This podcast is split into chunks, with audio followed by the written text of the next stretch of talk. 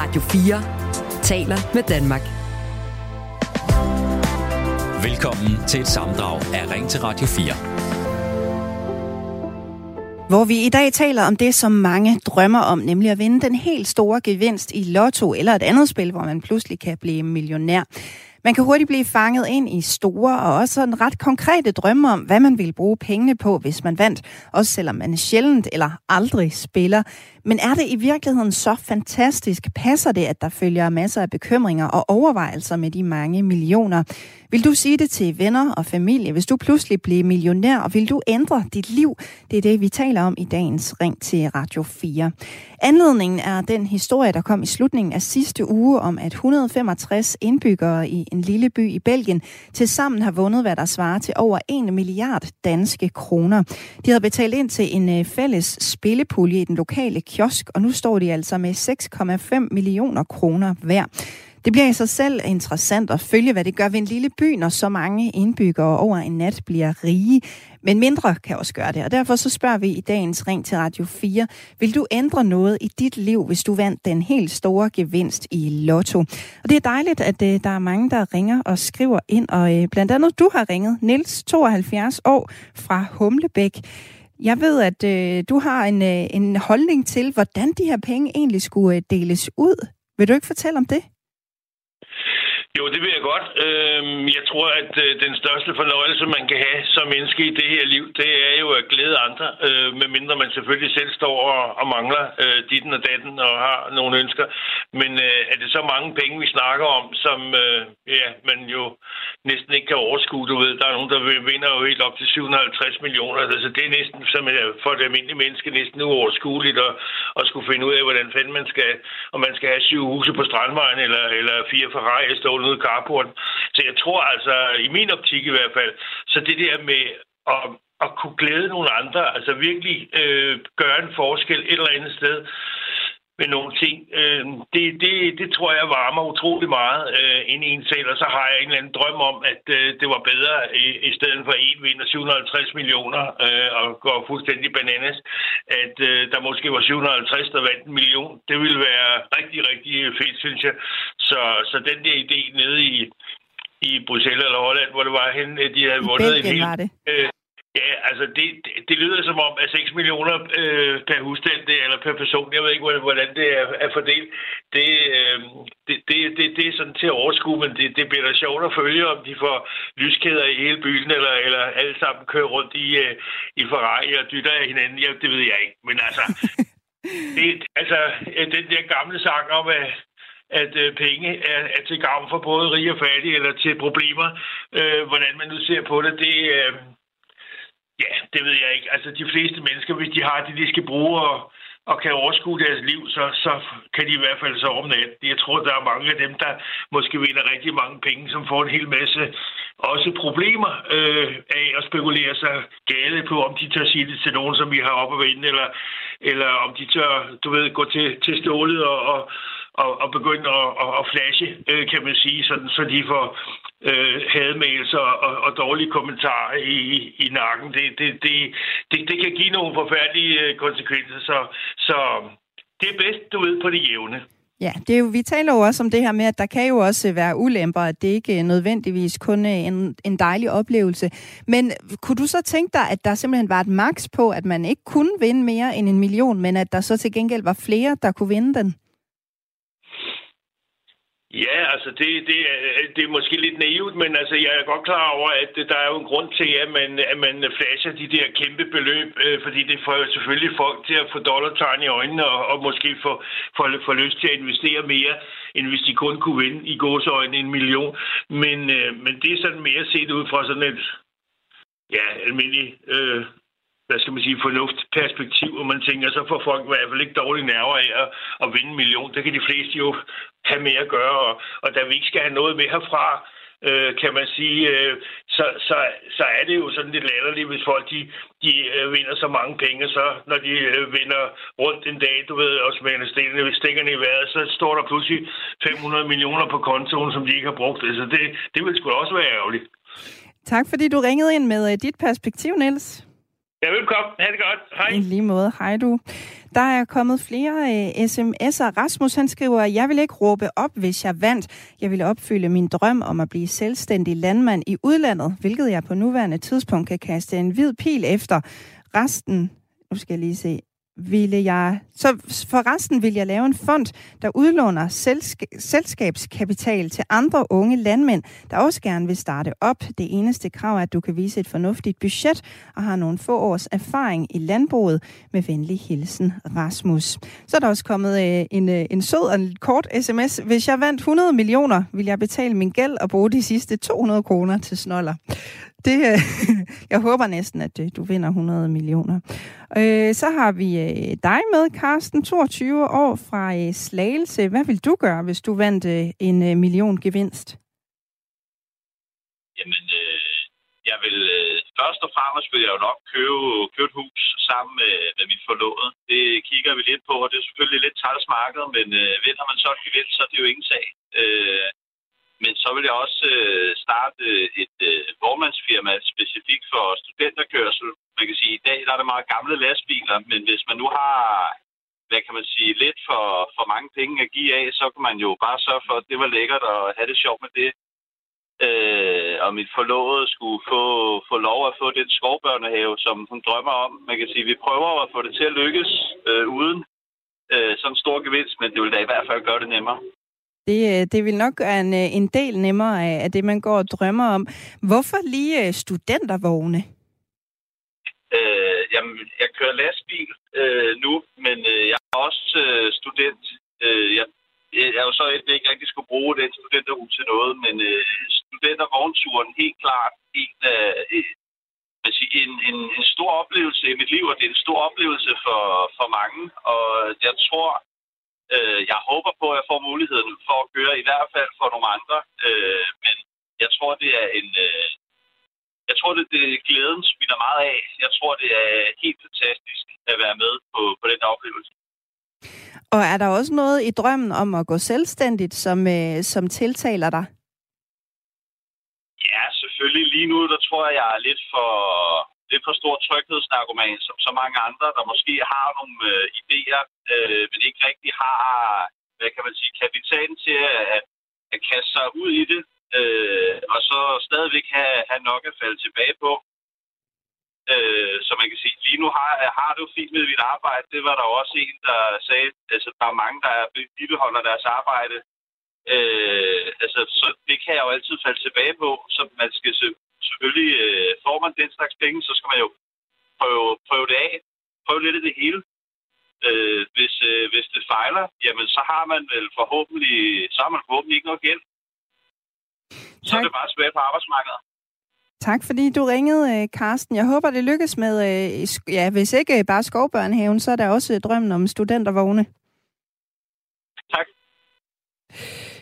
Nu skal jeg se. Paul fra Aarhus skriver med 1 million. Først skulle boligsituationen forbedres. Nogle ting skulle rekvireres for at gøre livet bedre. Hvis 10 millioner nyt hus eller gård, hvis 25 millioner eller mere, leve af renterne og fortsætte livet som hidtil. Det skriver altså Paul fra Aarhus. Jeg kan godt lide, at der simpelthen er en plan for, øh, hvad man gør i forhold til, hvor mange penge man vinder.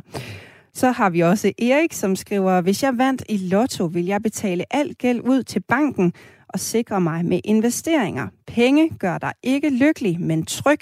Og er du tryg, har du mulighed for at blive lykkelig. Og kan man snart holde sig fri af banken, er man fri. Det skriver altså øh, Erik. Og det leder øh, os meget godt videre til det næste. For en rundspørg, som Danske Spil foretog i 2007 blandt 500 lottomillionærer viste altså, at kun 2% følte, at den store gevinst havde påvirket deres liv negativt. Så noget tyder altså på, at tilværelsen bliver nemmere. Men bliver du også et lykkeligere menneske af at vinde i lotto? Det skal vi nemlig blive klogere på nu, og det skal vi sammen med dig, Christian Bjørnskov, professor i økonomi og forsker i lykke ved Aarhus Universitet. Velkommen til. Tak. Hvor lykkelig bliver man af at vinde i lotto? De fleste bliver lykkeligere, når, når de vinder i lotto. Altså pengene gør en forskel. Øh, men vi har faktisk en, en række eksempler på folk, der virkelig er blevet mindre lykkelige, øh, fordi de simpelthen har håndteret det at vinde øh, på en, en ubehagelig måde. Og hvad er det ved, ved lottogevinsten, som kan give os lykke? At det, er, det er de mange muligheder, øh, og altså, som en af, at dem, der skrev ind, har øh, peger på, det er, det er den finansielle tryghed. Altså det er det, at når vi først har vundet de her, hvor mange millioner der nu er, jamen så gør det ikke noget, at opvaskemaskinen går i stykker, fordi så får vi den ordnet, eller øh, vi får en ny. Det rykker ingenting ved vores hverdag. Altså, der, der, der er en lykke i, i trygheden i, at, at vi ikke behøver at ændre hverdagen, selvom der sker nogle uforudsete ting. Og hvad kan man så sige i forhold til øh, størrelsen af beløbet? Har det noget at skulle have sagt i forhold til ens lykkefølelse? Det har det sandsynligvis, fordi vi har for eksempel øh, vi har en del ny forskning, der peger på, at pengene rent faktisk gør folk lykkelige. Øh, men i særlig grad på en der, der, er, der er nogle detaljer om, hvordan man bruger pengene.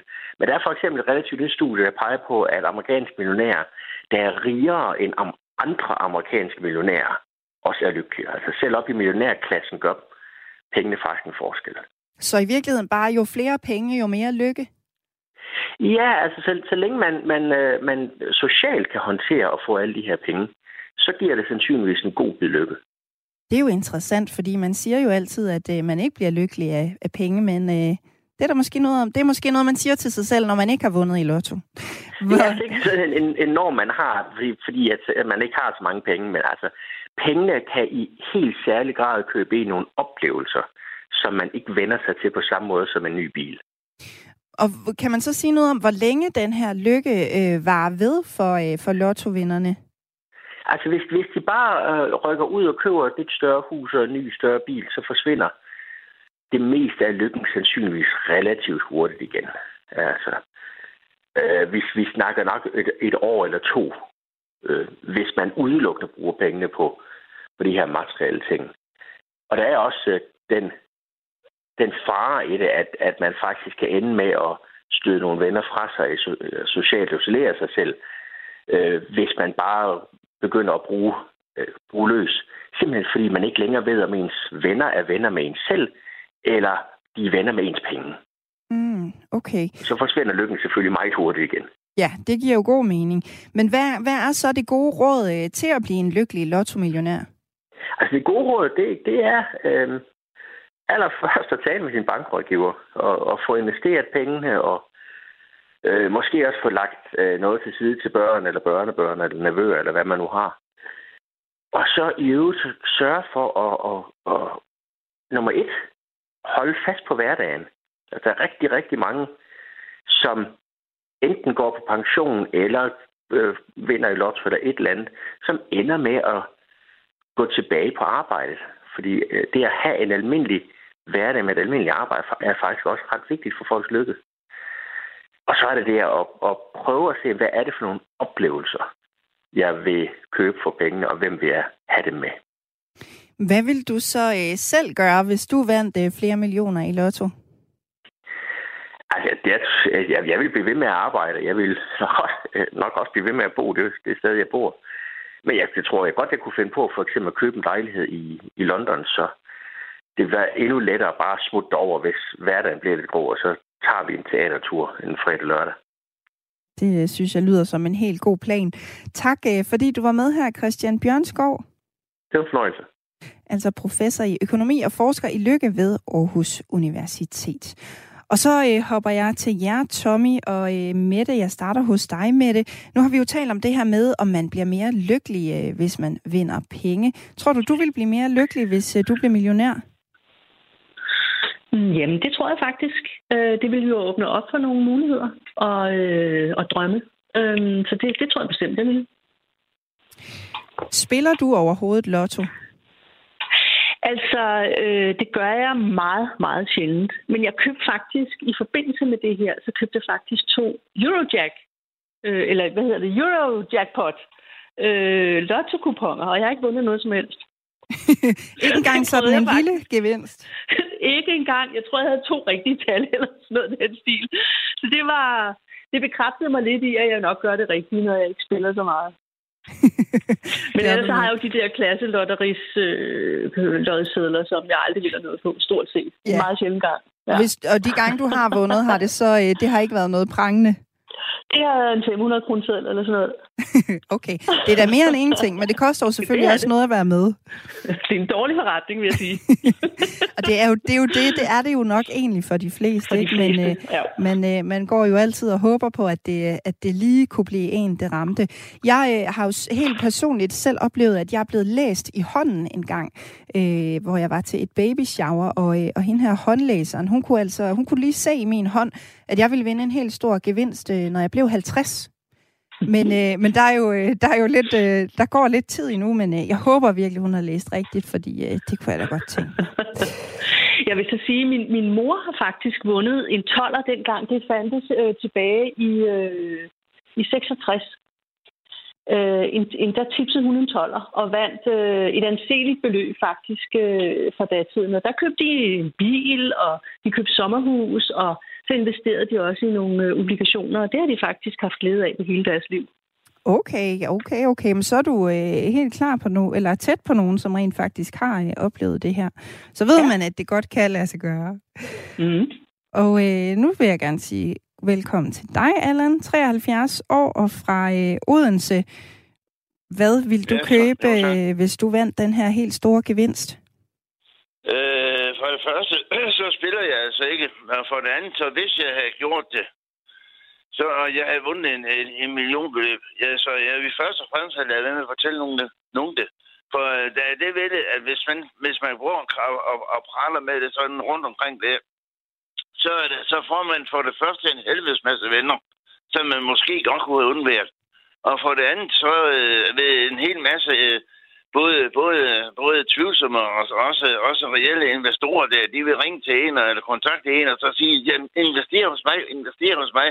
Og det kan måske være, at det kan være, det skal være, der nogle svindler imellem, altså, og så lige pludselig så er det væk. Så jeg tror, man skal være lidt, en lille smule forsigtig med at gå og, og, og brede sig alt for meget ud, hvis man vinder en million eller mere. Det tror jeg, du har ret i. Men hvad i forhold til sådan den nærmeste familie og venner? Øh, skulle de ikke vide, hvis du, øh, hvis du vandt den helt store gevinst?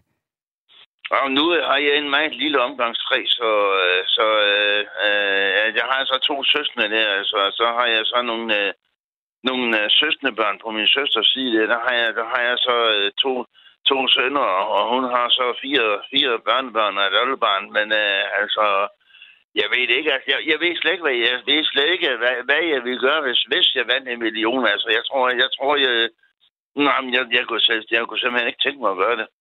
Og, og, og det er sådan, altså, nu jeg har nået en alder, hvor jeg, hvor jeg vil få, hvor jeg vil få svært ved, og så, og så, og så møde pengene.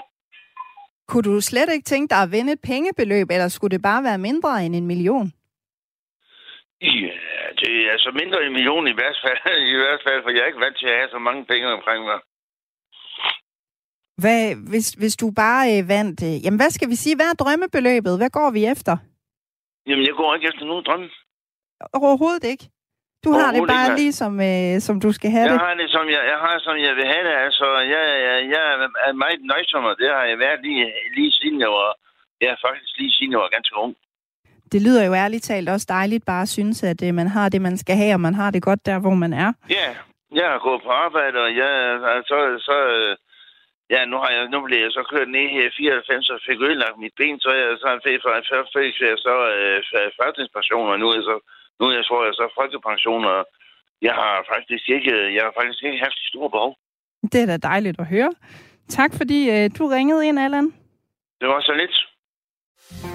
Du lytter til et samdrag af Ring til Radio 4 hvor vi i dag taler om politiske løftebrud. Det gør vi, fordi Venstres formand Jakob Ellemann Jensen og Moderaternes formand Lars Lykke Rasmussen har valgt at droppe deres krav om en advokatvurdering af Mink-sagen under de nuværende regeringsforhandlinger.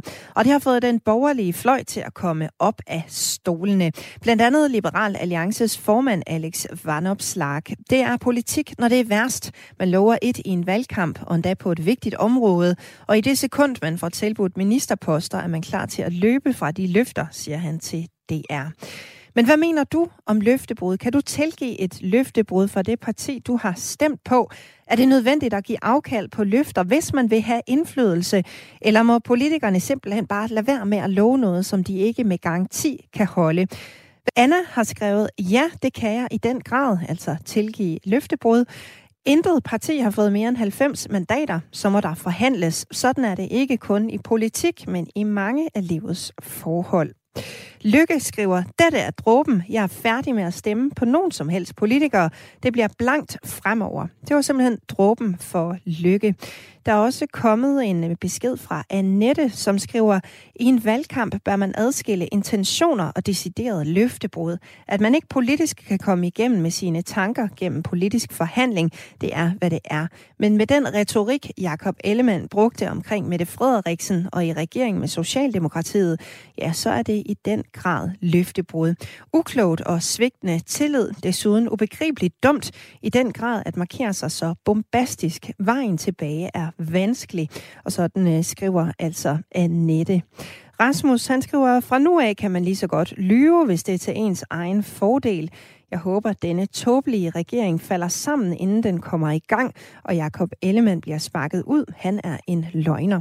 Så øh, hårdt kan det altså øh, siges. Karin, hvad, hvad tænker du om, øh, om den sms, Annette skriver med, at man skal passe på med at formulere sig så bombastisk, hvis man ikke er sikker på, at det er et løfte, man kan holde? Ja, det er jeg jo enig i. Jeg synes, at øh, det har været langt smartere at sige, at, vi, ja, at man øh, har en sag, man vil arbejde for og sådan noget. Men at sige, at vi vil ikke gå i, i regering med, med Socialdemokratiet og det, personen Mette Frederiksen, det er jo det er jo de, det er jo de reneste ord, man overhovedet kan få. Så det, det er derfor, det ser så øh, ynkeligt ud, når han nu står og siger, at han har lavet sit løftebrud og, øh, og næsten smiler, mens han gør det. det er, jeg er helt enig. Og øh, hvad med dig, Mark? Øh, handler det egentlig om formuleringer her? Altså skal man bare formulere sig lidt mere forsigtigt, hvis man gerne vil undgå at få det her prædikat løftebrud på sig? Nej, altså jeg, jeg vil uh, godt nok synes endnu mindre om de politikere, der prøver at snakke udenom, som om at det ikke er løftebrud. Så er der der en eller, anden, en eller anden form for respekt for, at han siger det direkte. Men øh, nu er der så mange her, der skriver ind til dig, at øh, nu vil de i hvert fald ikke stemme på det mere, og de vil stemme blankt og sådan noget. Man skal altså også tænke på, vælger de har altså glemt det her om fire år. Og specielt hvis det hele det går godt, og økonomien buller af, og vi har en masse, så tror jeg, det her det er længe glemt om fire år af de fleste. Det må vi jo øh, se til den tid. Det kan øh, sagtens være en pointe. Kasper, 36 år fra Frederikssund. Kan du tilgive et løftebrud? Nå, men det, det, for mig er det ikke så meget et spørgsmål om at tilgive eller ikke at tilgive. For mig er det et spørgsmål om det, det man siger og går til valg på. Der er noget politik i det her. Det er, at, at altid, når, når på den anden side af, af en valgkamp, så er der nogle partier, der skal sætte sig ned og finde øh, nogle løsninger og komme med et regeringsgrundlag, og der vil være en opposition, og der vil være en, en, en regering. Det, der er problemet her, det er, at den opposition og den, den oppositionsleder for, for, for det, der man skulle mene var det førende oppositionsparti, og, og egentlig også et, et statsministerparti, øhm, de går til valg på at sige, at vi skal have, vi skal have undersøgt det her til bunds, fordi det, det er essentielt for retsstaten. Det vil sige, at det sekund, man siger det, og man skal undersøge det her forløb, der har været med Mink og med Mette Frederiksen og Socialdemokratiet og alle de her ting, så, så, så er det ikke længere et spørgsmål om politik. Det er ikke at komme med politiske indrømmelser og finde et kompromis. Nej, det handler om, at man, man er simpelthen nødt til at finde ud af, jamen prøv at høre, vi skal have undersøgt det her, fordi det er retsstaten, det hviler på. Som politiker, så skal man jo være, altså man, man skal jo ligesom, øh, øh, man skal måles på det, man siger, det man gør. Og i forhold til retsstaten, så er det jo ikke et spørgsmål om at komme med politik, så er det et spørgsmål om at finde ud af, jamen, hvad er rigtigt og forkert. Og det har man slået på trumper hele vejen igennem. Man har gjort det under hele valgperioden, altså helt tilbage fra da det her sker øh, i 2020. Man har gjort det under selve valgkampen og sagt, ultimativt, så kan det her ikke lade sig gøre uden det her. Altså uden man undersøger, at man laver den her advokatvurdering. Og nu her, så det handler ikke om politikken. Nu, nu er man klar til at afvige fuldstændig på det. Det vil sige, at der sidder en masse mennesker nu, der aldrig nogensinde øh, får klargjort, hvad skete der, hvad skete der ikke. Og der bliver aldrig nogensinde rejst et ansvar i forhold til, om der var noget, altså om, om der var noget i det her.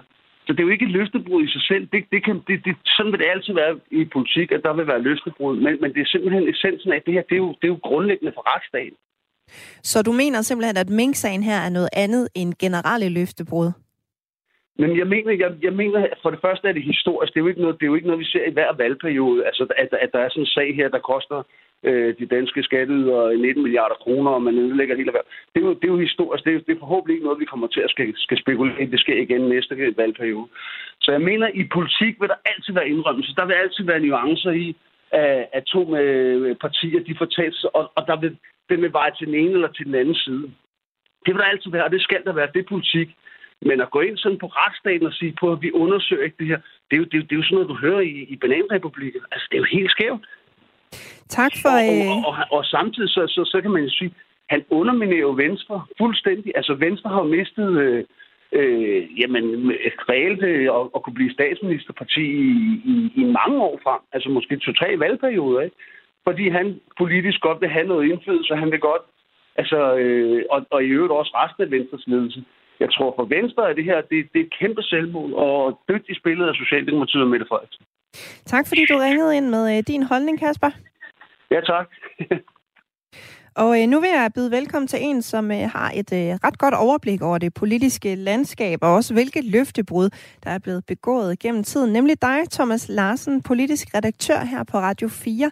Kan man sige noget øh, generelt om, hvordan politikerne kommer ud af sådan et løftebrud?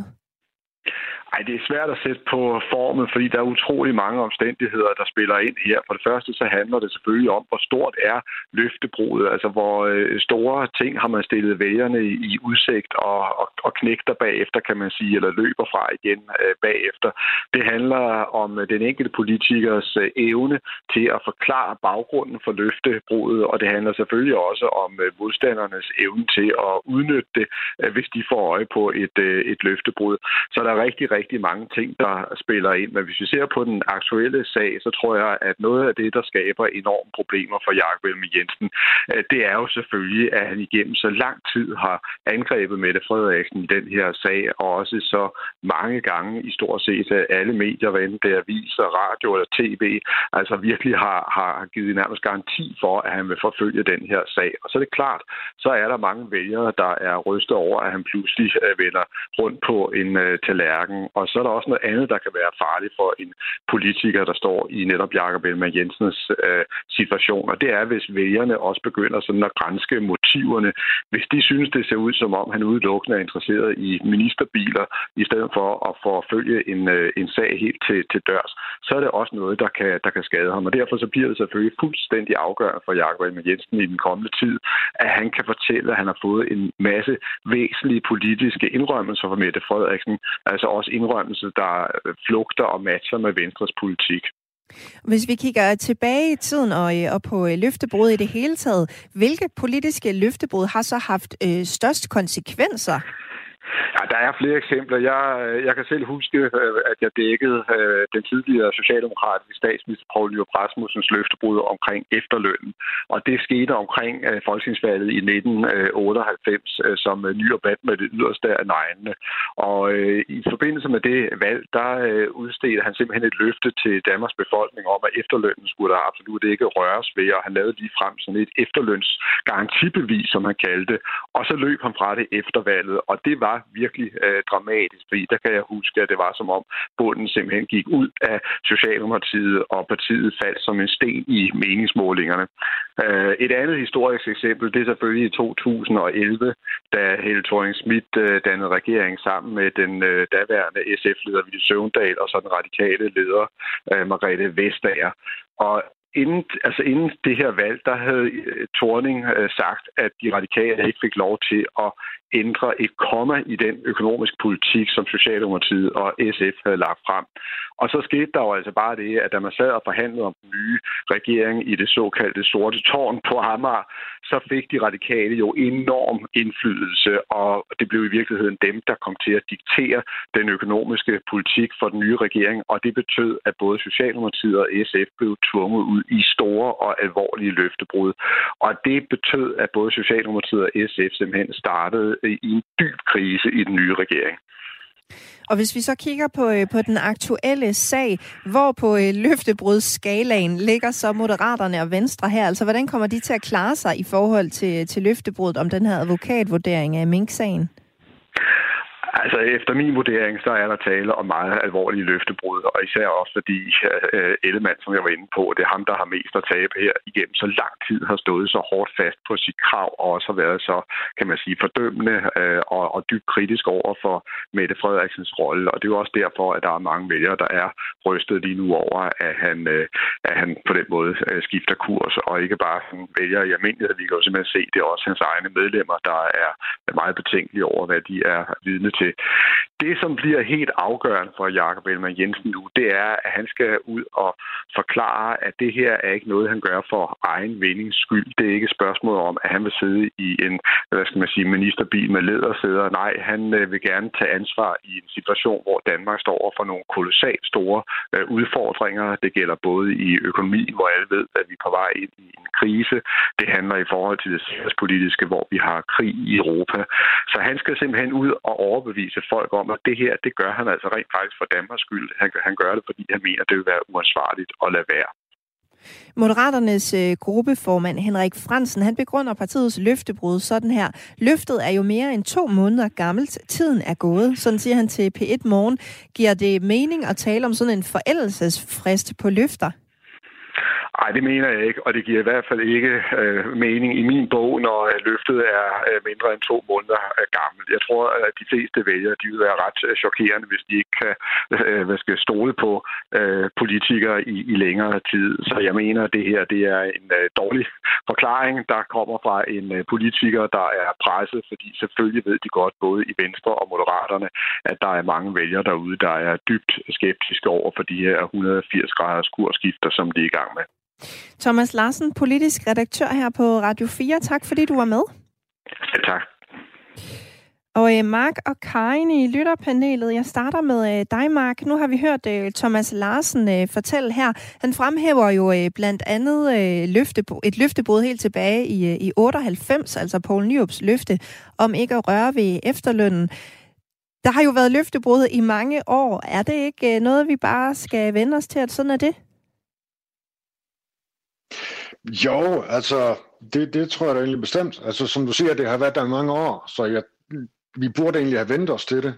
Men igen, som jeg har sagt før, man skal måske lade være med at gå så meget op i, hvad politikerne lover de første, de der tre-fire uger, som valgkampen er, og så gå efter, hvad de siger to år efter en regeringsdannelse, eller tre år. Og vi talte jo også om, øh, om øh, Moderaternes øh, gruppeformand Henrik Fransen, som jo sagde det her med, at jamen, det er to måneder siden, så er tiden gået. Er det øh, for kort en periode for dig øh, at ændre holdning i? Ja, altså det er det, men det tror jeg altså, det kommer meget ind på ham der, den politiske ordfører, han er jo ikke politiker som sådan, han er jo sådan hævn ind, fordi øh, alle andre i politik, de ved jo godt, at det skal svare, siges på en anden måde. Jeg tror simpelthen bare, det der det er en, det er en begynderfejl, der er blevet sagt af ham. Og øh, hvad med dig, Karin? Mener du også, det er en begynderfejl, eller har han en pointe i, at øh, man kan godt ændre mening undervejs? Altså, øh, det ved jeg faktisk ikke. Det kan de jo tydeligvis. Øh, hvis det handler om, at det, det der med at få indflydelse på deres egen politik igennem, men jeg synes, det lyder mærkeligt, at man ændrer mening på to måneder, især når det er noget, de stod så stejlt på. Så det virker, øh, det virker bare øh, sådan belejligt. Øh, to måneder, det lyder, det lyder mærkeligt. Synes du, man kan tale om en forældelsesfrist, som så måske er længere end to måneder, men øh, som øh, Mark for eksempel siger, to eller tre år? Det kommer jo helt an på, hvad det er. Altså hvis det her det er noget, man, man virkelig øh, brænder for, øh, så kan det vel ikke, vil jeg sige. Altså det kommer, jo, det kommer meget ind på, hvad det er, vil jeg sige. Og øhm, nu hørte du jo også uh, Thomas Larsen, politisk redaktør her på Radio 4, uh, fremhæve nogle, uh, nogle sager. Har det sat nogle tanker i gang hos dig? Jamen ikke andet end, at jeg... Øh, altså, det, vi er jo en lille smule vant til løftebrud øh, det vi lige har set nu, det, det står jo lysende klart, at det, at det er, er et løftebrud, og så skal vi jo så skal vi jo sige, spørge os selv, er, det, er vi med på løftebrud en del af politik, eller, øh, Eller vil vi ikke øh, stemme på dem igen næste gang, vi har, vi har valgt det? Altså, netop som der var en anden, der siger, at vi glemmer jo også lynhurtigt øh, sager hele tiden. Også fordi politikere er gode til øh, at fokusere på ting for at fjerne vores fokus fra noget andet, som de ikke... Altså, vi har nok glemt det her om noget tid. Mm.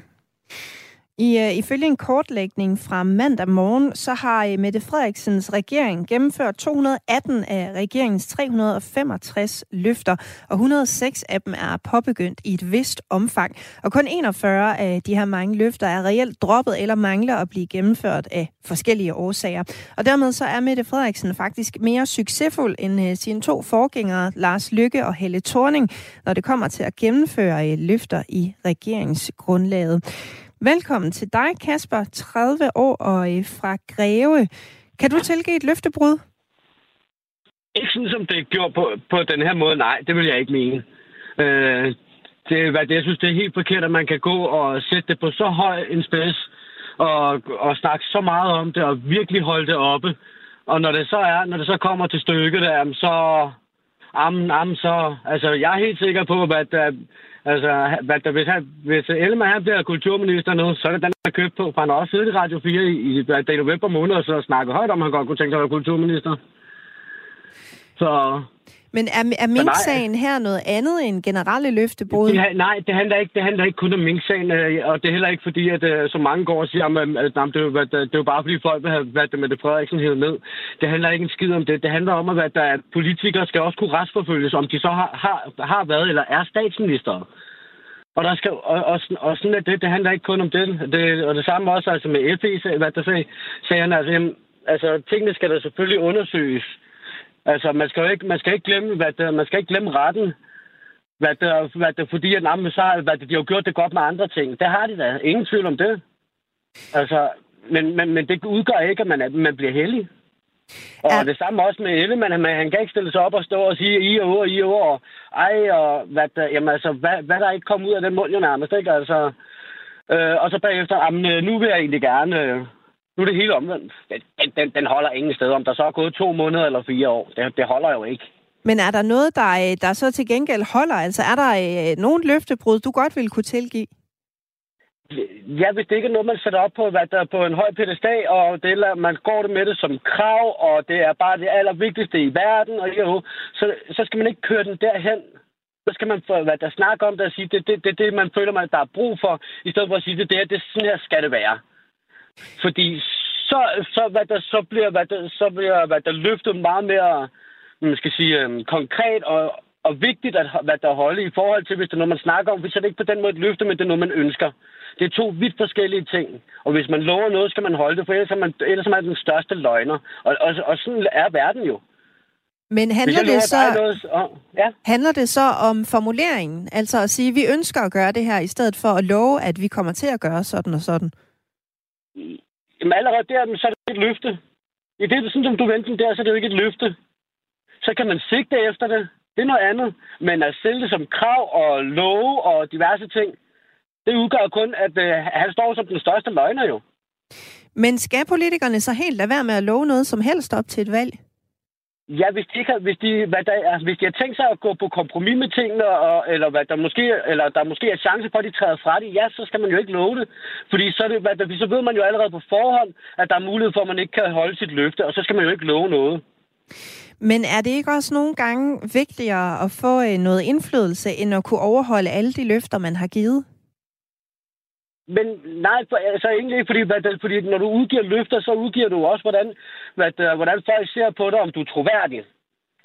Og det, og det, hvad, der, hvad, hvad, og, og, og, og, samtidig med det, så vil de jo sagtens kunne kæmpe for de andre ting.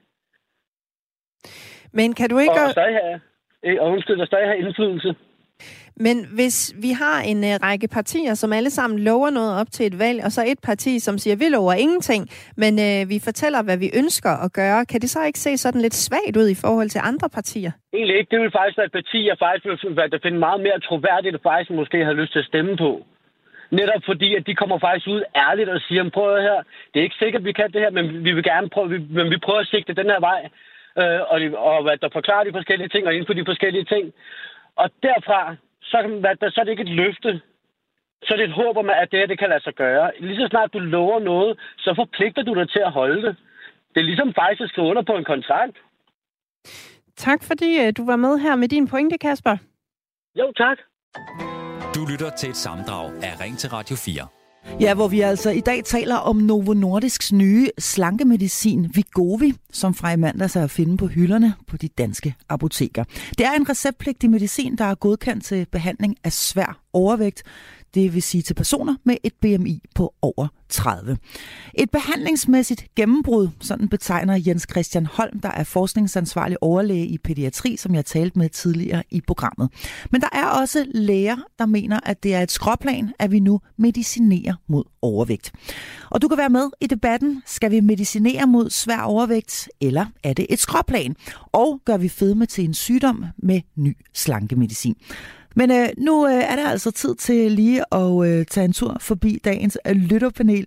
Saki Gani, jeg tror, øh, jeg er nødt til at starte med at give dig ordet, fordi øh, du øh, mener jo, eller det mente du i hvert fald for cirka en halv time siden, at folk, som er svært overvægtige, de skal tage sig sammen.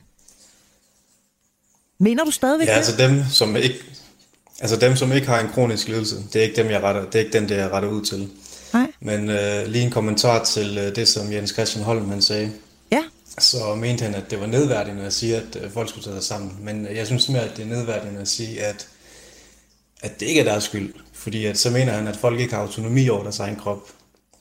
Og jeg mener, at folk de selv skal... Øh, folk har autonomi over deres egen krop, de har fri vilje. Og der er ikke nogen, der har taget, lagt en pistol foran deres hoved og sagt, at du skal spise det her mad her. Så ja, altså helt klart, så synes jeg, at folk, de, ja, til en eller anden vis grad, de, så skal de tage sig sammen. Fordi der er ikke andre, der kan gøre det for dem. Det er dem selv, og det er dem, kun dem selv, der kan gøre det. Mm. Så du, du holder altså fast i, øh, i, øh, i, i, i den holdning, du også havde, da vi, øh, da vi startede programmet, og også efter, at, at du har hørt en, en læge, der, der ved en del om det her, tale om det. Øhm, Tina Fabricius. Yes, det gør jeg. Okay. Tina Fabricius, øhm, jeg er nødt til lige at spørge dig, hvad, hvad tænker du egentlig om det her, Saki siger? Fordi øh, lige om et øjeblik, så skal jeg læse nogle sms'er højt, og der kommer blandt andet en hel del fra folk, der faktisk kæmper med overvægt. Er du enig med, med Saki Gani i, at, øh, at, at de her mennesker, øh, jeg vil gerne tilføje stakkels mennesker, bare skal tage sig sammen? Nej, det er jeg ikke, for der er jeg meget enig i jeres, øh, da Jens Christian Holm også sagde, at, øh, at det er, hvad man vidste førhen, og i dag der ved man meget mere om, hvad, hvad der er, er faktorer, der gør, at folk kan have overvægt. Og det er ikke bare så simpelt, som det er at sige, at man skal tage sig sammen, fordi der er mange aspekter i det. Mm. Det er nu også det, øh, du siger, at med, at, at der kan være noget imellem øh, i hovedet, som gør, at de kommer til at spise. Men jeg tror ikke, det er så simpelt. Jeg læner mig meget op af, hvad fagfolk siger, og når Jens Christian Holm har også sagt det, som han siger med, at der er mange aspekter i det, så, øh, så synes jeg, det lyder helt rigtigt. Mm. Så, øh, så du øh, holder i virkeligheden også øh, øh, øh, fast i, i, i det, du startede med at mene der for en halv time siden, da vi, øh, da vi gik i gang, nemlig at det her øh, medicin mod svær overvægt, det, øh, hvis læger synes, at det er en god idé, så værsgo, men at det skal foregå i en eller anden form for øh, selvfølgelig øh, øh, kontrolleret øh, miljø. Ja, lige ja. præcis. Ja. Det skal ikke være håndkøbsmedicin, det skal være, hvor det har været igennem lægerne, og så skal folk have adgang til det øh, hvis, det, hvis de bliver vurderet, at, at de er i risikozonen. Mm. Det Så jeg med, synes også, der ja. er mange ting i det. Ja, værsgo til det der med økonomien i det også, mm. at, øh, at man snakker om, at medicin er dyr, men det er også meget dyrt at have folk øh, overvægtige. Og så læste jeg, at langtidskonsekvenserne på noget fedmemedicin, de har haft i USA, der fandt man ud af 20 år efter, at der var en fejl på et hjerteklap. Men igen, hvad havde, hvad havde der været af udgifter, hvis de folk ikke var, var kommet af med deres overvægt? Mm. Men den er svær, for nogen de kan godt lide at have lidt ekstra på sidebenene, men det er åbenbart ikke den gruppe, vi snakker om. Det er dem, der er svært, som du nævner. Ja, altså, ja, altså det skal jo lige præciseres, for at der slet ikke skal være nogen tvivl om det her, at her der taler vi ikke om lidt ekstra på sidebenene. Her der taler vi om, øh, om, øh, om et BMI på over 30, og så er man altså øh, svært overvægtig. Jeg er rigtig glad for de sms'er, der kommer ind, og øh, det gør de på 1424. Du kan også stadigvæk være med. Du kan også gribe telefonen og ringe ind til mig på 72 30 44 44. Men lad mig lige læse lidt højt fra sms'en. Her er der for eksempel en, der skriver, Uhyggeligt at høre normalvægtige dømme os overvægtige. Jeg føler mig ikke psykisk medtaget. Jeg er blot for glad for god mad, og så er mit indre kemiske apparat ikke givet til at sige fra over fornydelse. Jeg ser frem til den nye kemi. Med venlig hilsen, Nils fra Djurs. En anden skriver, hej, er vi overvægtige, kan vi godt tåle næsten ikke at spise, da vi har masser at tære på. Meget overvægtige har brug for støtte fra professionelle og ikke en dum medicinsk løsning. En anden skriver, hej, ud med medicin. At faste, det hjælper, taler af egen erfaring. Det er logisk, at man skal lade være med at spise, hvis man er overvægtig. Det er ikke farligt at være sulten, og sulten forsvinder igen senere på dagen. Tag eventuelt et stykke brød og en banan, og så ikke mere den dag. Hej hej. Og øh, så er der altså en her, der skriver, hej hej, fordommene om overvægt står i kø. Ofte forstår folk ikke den enorme appetit, mange af os har. Efter utallige kurer og piller tabte jeg selv 24 kilo ved at sætte mig ind i det præcise kalorietal for alt, jeg indtog. Og jeg vejede og udregnede og skrev alting ned. Derved blev mine indkøb og det, jeg spiste, baseret på hjerneaktivitet frem for følelser. Med venlig hilsen, Tina. Der øh, kommer altså øh, rigtig, rigtig mange sms'er ind her, og en del af dem kommer også øh, fra folk, som øh, altså selv øh, er øh, overvægtige. Tusind tak for det. Tusind tak for, for modet til at, at skrive ind. Jeg øh, læser lige en mere op, der lyder sådan her. Hej Radio 4. Jeg er glad for, at der er kommet et produkt, som kan hjælpe til overvægt. Jeg er svært overvægtig. Det er jeg blevet efter, jeg begyndte antidepressiv medicin for cirka to år siden. Til trods for god vilje og mange forsøg er et vægttab ikke lykkedes. Jeg skal klart spørge lægen om hjælp med det her produkt. Fedme er ikke en sygdom. Det kan lige så godt være bivirkninger fra et andet medicinsk præparat. Min BMI hedder i øvrigt 34 med venlig hilsen N. Tusind tak for, øh, for den, Anne. Og øh, lad os lige tage en, øh, en sidste en her. Den øh, lyder sådan her, kommer fra Martin. Motion er vejen frem. Fedme er en fysisk og psykisk belastning, som kræver en livsstilsændring. Medicin? Hmm, godt for Novo Action. Ja, og øh, sådan kan man selvfølgelig også vente, og der er selvfølgelig ikke nogen som helst tvivl om, at der naturligvis også er økonomiske interesser på spil, når vi taler om det her. Selvom den nye slanke medicin kan have betydning for knap en million mennesker, så er det ikke kun godt. For det kan være et skråplan at begynde at medicinere mod fedme. Det mener speciallæge i almen medicin og forsker ved Københavns Universitet, Rasmus Køster Andersen. Velkommen til Ring til Radio 4. Jo, tak for det. Øh, og, og Rasmus Køster Rasmussen hedder jeg ret lidt. Lad os det med. Jamen ved du ja. hvad, det, det, må, det må du bare udspille. Det er forfærdeligt udtjekket. Rasmus Køster Rasmussen. Hvorfor er det et skråplan at uh, medicinere mod fedme i, uh, i din optik? Øh, jamen det tror jeg, det er fordi, jeg tror, vi bliver nødt til at skelne imellem øh, vægt og sundhed. Vi har nok en, en, en, en, haft en, sådan en, en tendens til at sætte lighedstegn imellem at være tyk og være usund. Øh, men man kan altså sagtens være øh, tyk og sund, og man kan lige så vel som man kan være tynd og usund. Øh, og, øh, og det er et, jeg vil sige, det er et skråplan at, øh, at medicinere på vægten for vægtens skyld. Okay. Kan man godt være ekstremt overvægtig og være sund samtidig? Øh, ja, det kan man godt. Altså man kan godt have et, bare lige for at være fuldstændig sikker på, hvad det er, vi taler om, det vil sige, man kan godt have et BMI på over 30, og så samtidig være sund? Ja, det kan man sagtens. Okay. Øh, hvad hedder det? Så det er jo ikke, fordi vi er da glade for, at der er kommet et nyt præparat på hylderne, øh, og der er der helt, og der vil helt sikkert være øh, øh, nogle, øh, altså til nogle patienter, hvor det er, hvor det, er det rigtige. Øh, det, som vi øh, er skeptiske for øh, øh blandt de praktiserende læger, det er, at hvis man... Øh, hvis, hvis, øh, hvis øh, vi siger, øh, indikationen for at behandle med det her medicin, altså det, der ligesom er øh, de krav, man skal opfylde, hvis det er, at man skal bare skal sige, kun skal have et BMI over 30, øh, eller over 27 og have forhøjet blodtryk eller noget andet, jamen så, øh, så kan vi øh, begynde at behandle en million øh, danskere for, med det her nye medicin. Og, øh, og det, øh, det synes vi ikke er fornuftigt. Hvor, altså, det er ikke fornuftigt at begynde at behandle over en million, men hvad er så alternativet? Øh, jamen, alternativet, det er jo, at vi øh, accepterer, at folk er tykke. Ikke? Vi bliver nødt til at, at, at, at, at simpelthen at, at, at nu tvinger det her nye øh, slankemedicin os til at faktisk kunne tage stilling til, at det er okay. At, øh, altså, vi bliver nødt til at ændre vores syn på, hvad det er, der er normalt. Det er, det er jo sådan, at i Danmark, der, at vi snakker om normalvægt øh, og overvægt. Mm. Øh, og, øh, og det er de facto ikke normalt at være normalvægtig.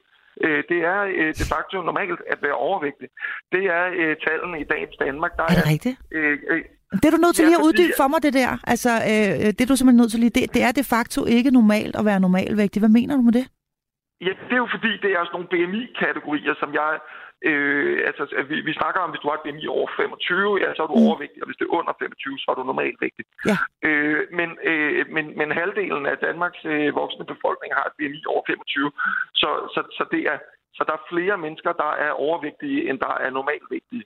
Øh, og, og så kan man sige, at det så er et problem, eller er det fordi, vi refererer til en, en, en norm, til, til en normal begreb, som ikke som er ude af trit med virkeligheden. Ja. Så man er øh, forældet, øh, altså de her, øh, det her BMI-begreb er i virkeligheden forældet i forhold til den måde, vi lever på og, og, og er i ja, vores... måske har det, har det længe været forældet, fordi hvorfor er det lige, det hedder 25 og 30 og 35 kategorier?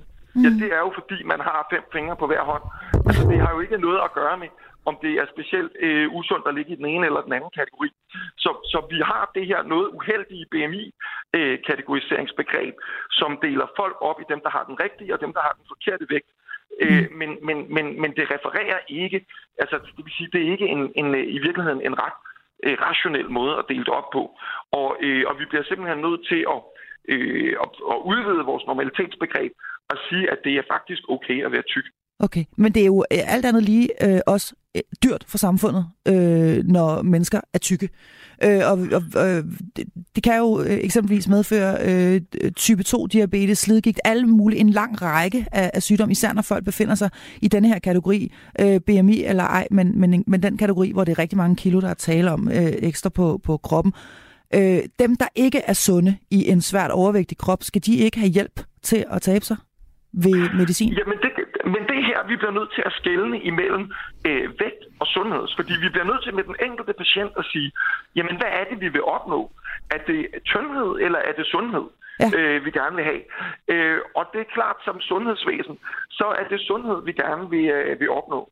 Så lad os tage et eksempel på en person, som har et, en høj BMI, og som øh, måske har alvorligt slidgigt i knæet, og derfor ikke kan øh, komme ned ad trapperne og komme ud øh, på gaden, og, at, øh, og, vi, og hvis vi så ved, eller hvis vi anslår, at, at hvis patienten taber sig 10 eller 15 kilo, så at, at, man så vil kunne, øh, at hun så vil kunne få sin funktion igen og kunne, øh, kunne, øh, kunne komme i gang, jamen så er det rigtig fornuftigt at behandle med vægttabsmedicin. Øh, okay. øh, fordi det faktisk er noget sundhed, vi går efter. Ja. Øh, øh, mens at hvis du har en person på, med et BMI på 32, som i øvrigt er sund og rask, vi så gør den her patient til, et, øh, til, en, øh, til en livslang patient, der skal have livslang medicin, øh, for, uden at patienten i øvrigt øh, føler sig syg, uden at den her person føler sig syg. Øh, så det, det, det, det er jo et skråplan. Det, det, det er sådan set det, vi mener. Okay, så det, det øh, jeg hører dig sige, for lige at få det skåret fuldstændig ud i par. og nu skal jeg sige dit, øh, dit navn rigtigt, øh, fordi det er forværdigt, at jeg fik sagt øh, forkert i starten. Rasmus Køster øh, Rasmussen.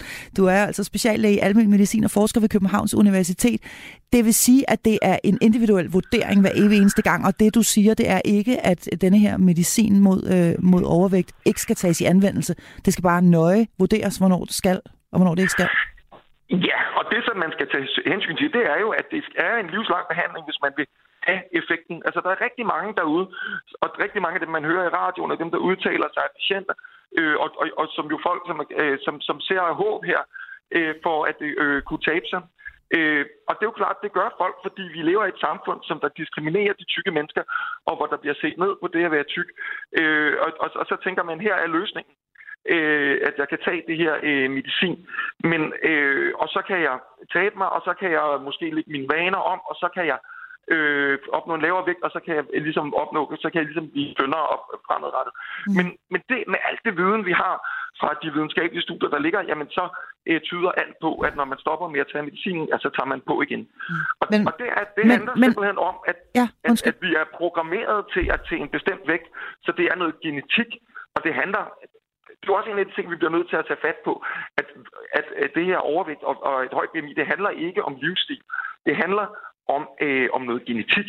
Øh, så det, det, det er, det er øh, forskerne i den for det her område enige om, at det er 70 procent af det gener, og, og, og 30 procent er noget med vores livsvilkår. Altså at vi har øh, computerskærme, og vi har biler, der kører os øh, til alle vegne, og vi har masser af mad og rent drikkevand, og øh, i øvrigt er sund og rask og sådan noget. Det, så, så, så det er ikke en... Ja, så, så vi bliver nødt til at acceptere, at folk er, er tykkere i det moderne samfund. Mm. Det, det gør vi. Rasmus Køster Rasmussen, øh, speciallæge i almindelig medicin og forsker ved Københavns Universitet. Tusind tak, fordi du var med her til formiddag og øh, med dit perspektiv. Tak til alle jer, der har lyttet med, til jer, der har skrevet ind, og til jer, der har ringet ind til mig. Øh, Ring til Radio 4 er tilbage i morgen kl. 9.05. Og har du har lyst til at følge med i alle vores andre programmer, så har vi selvfølgelig også en hjemmeside. Den hedder radio4.dk, og her kan du se oversigten over alle de programmer, du kan gå og glæde dig til. Det er også her, du kan lytte med på netradio, hvis du har brug for det.